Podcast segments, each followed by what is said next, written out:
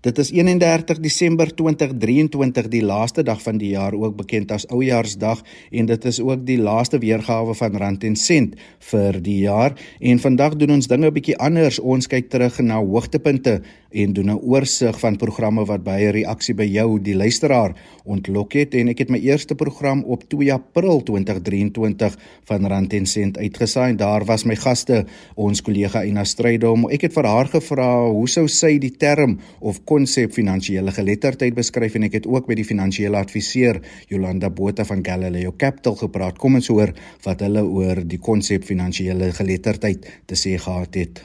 Wat is finansiële geletterdheid? Kom ons begin by 'n definisie van geletterdheid. In die tweetalige woordeboek word literacy vertaal met lees en skryfkennis. In die antwoordeboek van die Afrikaanse taal, die HAT, is geletterdheid geleerd, belese, iemand met kennis van die letterkunde. Daar is ook gesyferd. Iemand is gesyferd. Dit kom uit die hart uit. Dit is nou iemand wat goed is met syfers en getalle. As 'n mens dan dus kyk na finansiële geletterdheid, sou 'n mens kon sê dit gaan oor finansiële kennis en vaardighede wat nodig is om goeie finansiële besluite te neem. Dit sluit in om 'n begroting te kan opstel, jou geld te kan bestuur en te weet wanneer om te spaar en wanneer en waarop om geld uit te gee. En dit was dan kollega Ina Strydom met 'n verduideliking van wat die term finansiële geletterdheid nou eintlik in Afrikaans beteken. En om meer hieroor te praat, is my eerste gas in die reeks met my as aanbieder, Jolanda Botha, sy se finansiële adviseur by Galileo Capital. Jolanda, welkom en uh, wil jy vir dalk vir ons verduidelik hoe verstaan jy en hoe verduidelik jy finansiële geletterdheid aan jou kliënte? Maar ja, so ek dink daar is 4 aspekte wat belangrik is in finansiële geletterdheid. En dit is maar skuld, begroting, spaar en dan beleggings. En elkeen van hulle is 'n aspek op sy eie. Jolanda verstaan verbruikers Jan en San Alleman daar buite as ons praat oor die rentekoers byvoorbeeld 28%, 23%, 15% alhoewel ek dink jy baie gelukkig is as jy vandag 15% rente op jou skuld moet betaal maar um, weet mense waarvoor hulle betaal as ons praat van byvoorbeeld 28% rentekoers?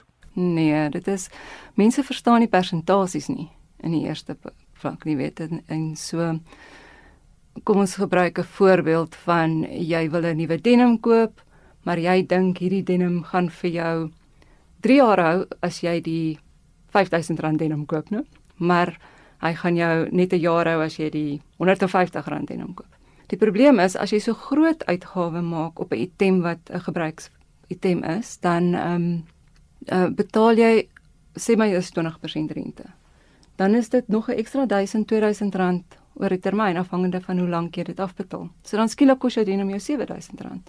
En as jy net jou denim vrang het elke elke jaar met teen R150, het jy R350 of my somme nou reg maak hier so jy die R450 spandeer in totaal.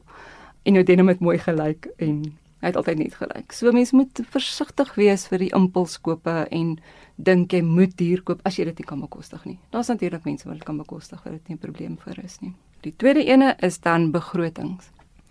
Nou baie mense hulle kyk na hulle skuld, maar wanneer jy na die begroting praat dan dit voel so groot en so ongemaklik dat mense ook stop daar en niks verder doen nie. Maar al wat dit beteken is kyk wat jy inkry en kyk wat jy spandeer. Ehm um, as jy te veel spandeer, het jy natuurlik al die ander probleme. Ehm um, maar maar dan moet jy gaan kyk waar kan jy dalk weer eens 'n klein stapie vorentoe neem. Ehm um, sou dit wees om jou kleinste hoeveelheid skuld eers af te betaal sodat daai bedrag hier weg is. Dan sit 'n groot stap vorentoe.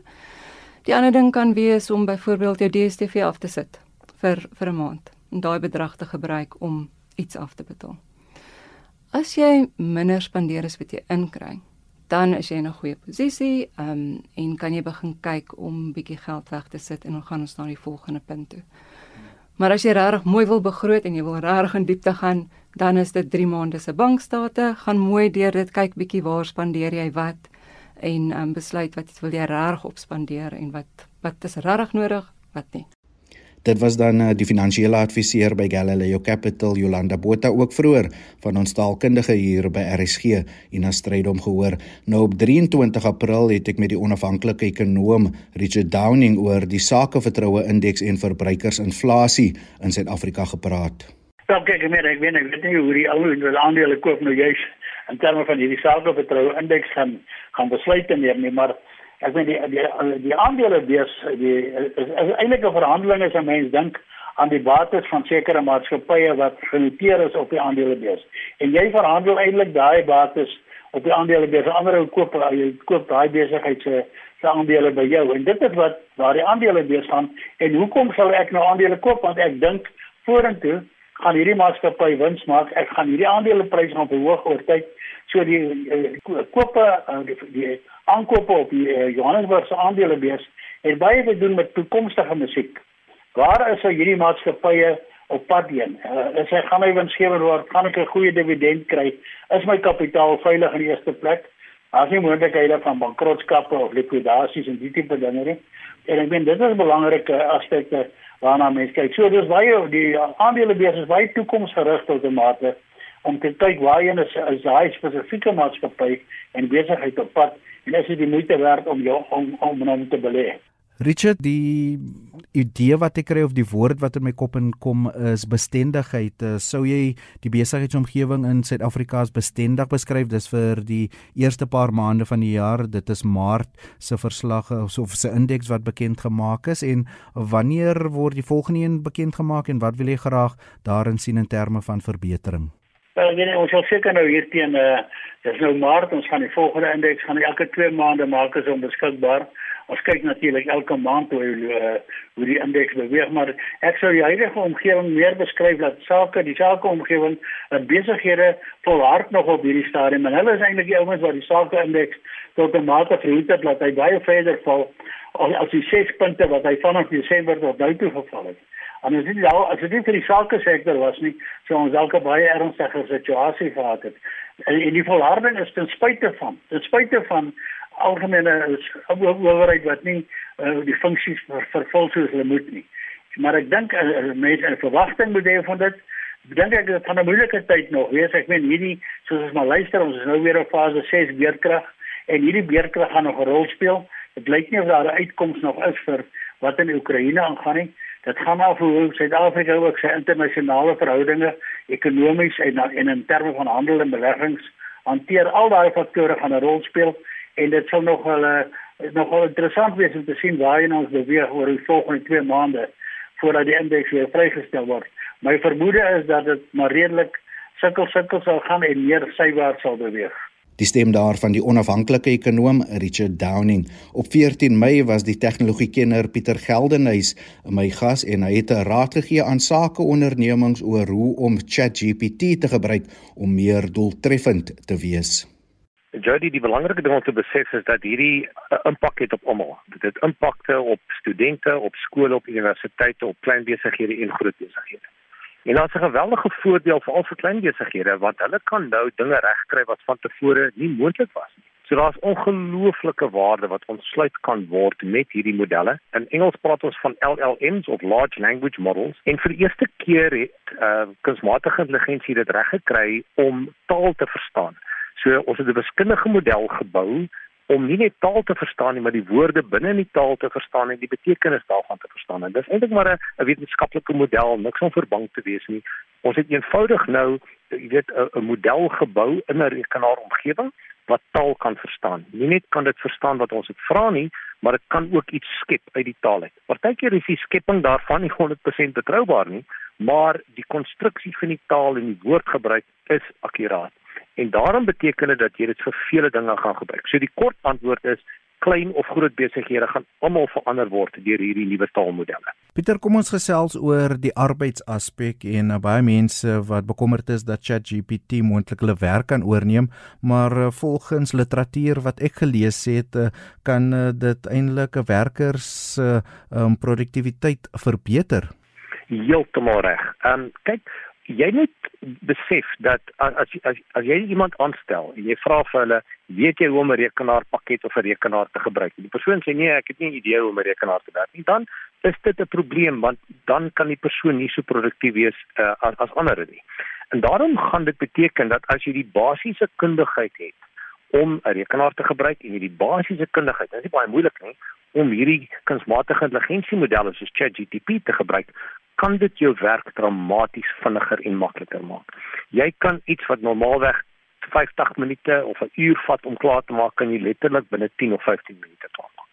En daarom beteken dit dat jy geweldige produktiwiteit kan ontskep binne die mark. Jy kan uh, die die koste om iets te doen baie goedkoper maak en 'n klein besigheid wat partykeer laat in die aande moet werk, kan nou dit werklik doen binne in die beskikbare tyd binne 'n dag. So dit beteken dat individue, klein besighede en groot besighede hulle bestaande take net soveel vinniger kan doen. Kom ek noem een voorbeeld.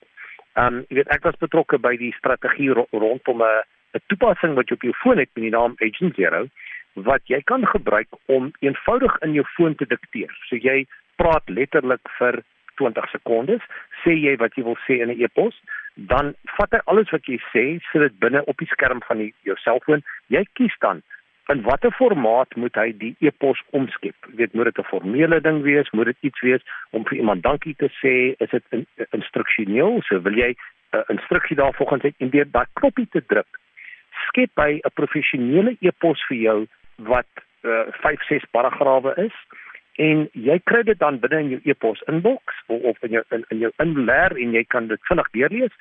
En nou vat dit jou 2 minute om 'n 20 minute e-pos te kan skryf die taalgebruik is gedoen, jy verander eenvoudig net die teks waarin jy nodig en jy stuur gaan voort. Dit beteken 'n 'n besigheidspersoon kan letterlik weet 20 e-posse doen in 'n kwessie van 20-30 minute waar dit hulle normaalweg 2 na 3 ure sal vat. En ons weet hoe dit werk in die besigheidsomgewing. Jy weet, jy wil baie baie vinnig by jou by die dringende goed uitkom. Oh, jammer by die belangrike goed uitkom, maar as die dringende goed wat jy ophou. Nou hier's een voorbeeld. Kom ons kyk na ehm um, ChatGPT wat wat of hierdie uh, taalmodelle wat dan jou kan help om byvoorbeeld op jou Excel sigblad baie baie vinnig dinge te doen. Kom ek gee 'n voorbeeld. Sê maar jy is 'n maatskappy wat 500 of 1000 kliënte het en hulle het almal 'n produk by jou gekoop en jy moet nou vinnig baie vinnig aan hulle almal 'n e-pos uitstuur as hulle 'n sekere produk by jou gekoop het, want jy wil die produk terugneem of as 'n verandering op die produk. Nou het dit gewoonlik beteken jy moet die IT persoon vra om jou te help of jy moet 'n uh, 'n Excel kundige wees om dan al die persone te onttrek wat dit kan doen. Met ChatGPT kan jy sê letterlik in 'n minuut gaan kyk na kolom A vir 'n naam, kolom B vir e-posadres, ek gaan kyk in kolom D wie die produk gekoop het en skep vir my 'n programmetjie om 'n e-pos aan al die persone te stuur om die volgende te sê en in in kritaal of, of ja, maar nie in kritaal nie, maar in normale taal sê jy wat gesê moet word en jy druk 'n knoppie en binne 'n kwessie van 'n paar minute onttrek hy al wat persone stuur vir 'n e-pos. Ter aan die tegnologiekenner Pieter Geldenhuys op 21 Mei was Sandra Ndlovu van Fairtrade my gas en ons het gepraat oor die verantwoordelikheid op verbruikers en die sake sektor ten opsigte van billike en etiese handel 'n sertifiseringsbody. Ons werk in die agricultural space met klasse. Um dit is nou small producers en dan higher labor work. Um so ons is 'n ethical label. As ek sê internasionaal, ons het verskillende netwerke wat wat ons opgebreek is.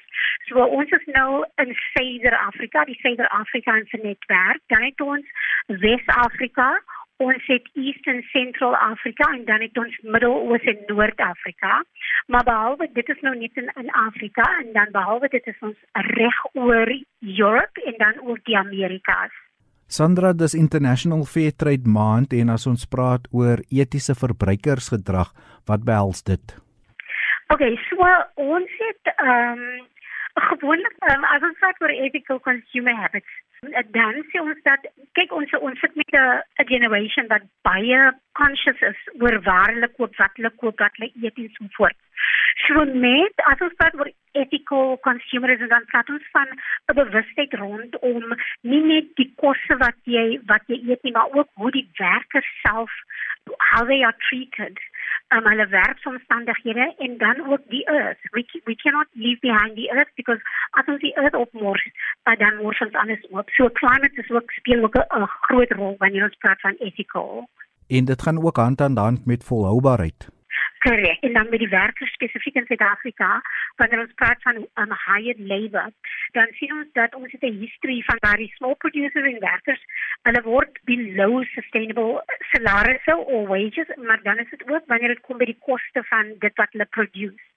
So, ehm um, dit is 'n groot 'n groot deel van wat ons aanwerk. Ons wil verseker dat die die small producers en die werkers dat hulle sustainable incomes kry.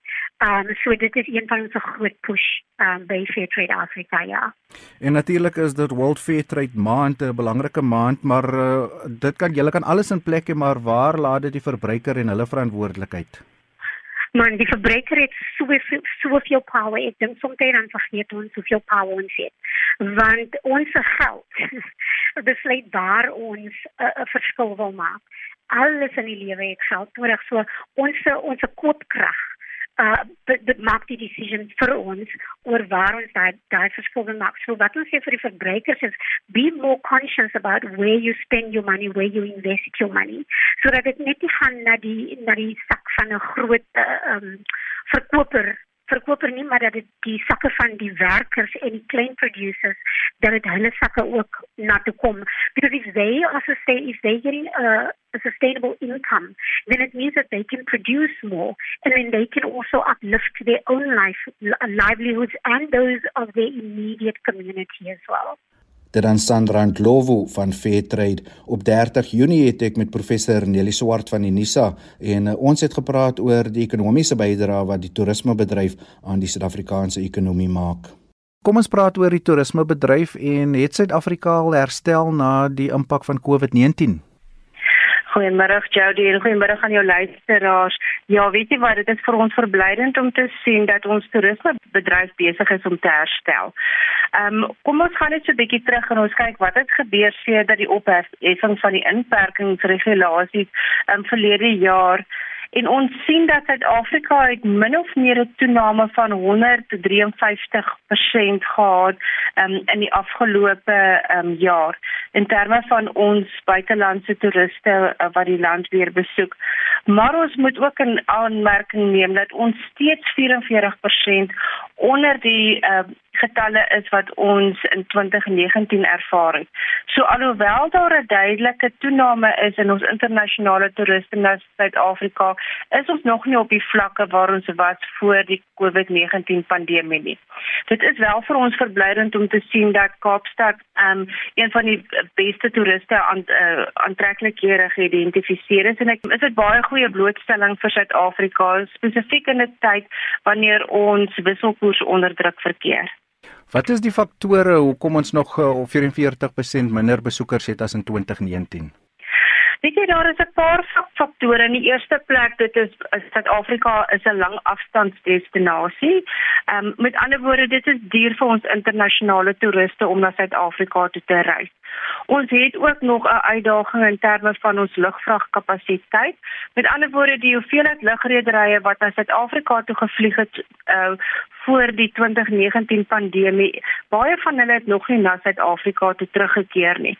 Ek wil ons dink byvoorbeeld um aan aan die Italiaanse lugrederye. Ons ons dink ook byvoorbeeld aan aan Cathay Pacific wat op 'n stadium elke dag 'n vlug tussen Suid-Afrika en Hong Kong gehad het. En en hulle is nou maar eers stadig maar seker besig om terug te keer um, en om om meer gereelde vlugte na Suid-Afrika toe te hê. Met ander woorde, hulle het nou omtrent 5 vlugte per dag uh of per per week as waar hulle in die verlede 7 vlugte per uh per week gehad het. Ehm um, en dan aan die ander kant moet ons ook in aanmerking neem die ehm um, geopolitiese ehm um, omgewing. Jy weet daar word nog steeds duidelikheid ver, uh, verwag van ons internasionale reisigers oor wat is Suid-Afrika se standpunt in terme van die die oorlog wat in Oekraïne heers met met Rusland. Ehm um, ons het onlangs gesien dat een van ons incentive uh, uh, um, operateurs hulle uh, planne gekanselleer het om na Suid-Afrika toe te reis omdat daar reeds onsekerheid daaroor heers.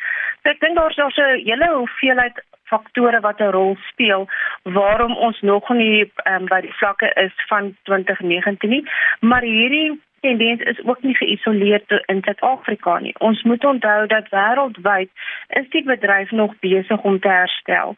Ehm um, die ekonomie trek swaar, baie lande beleef resessies en dit is ook waarom baie van ons reisigers nog nie die kapitaal het om na lande soos Suid-Afrika te reis nie.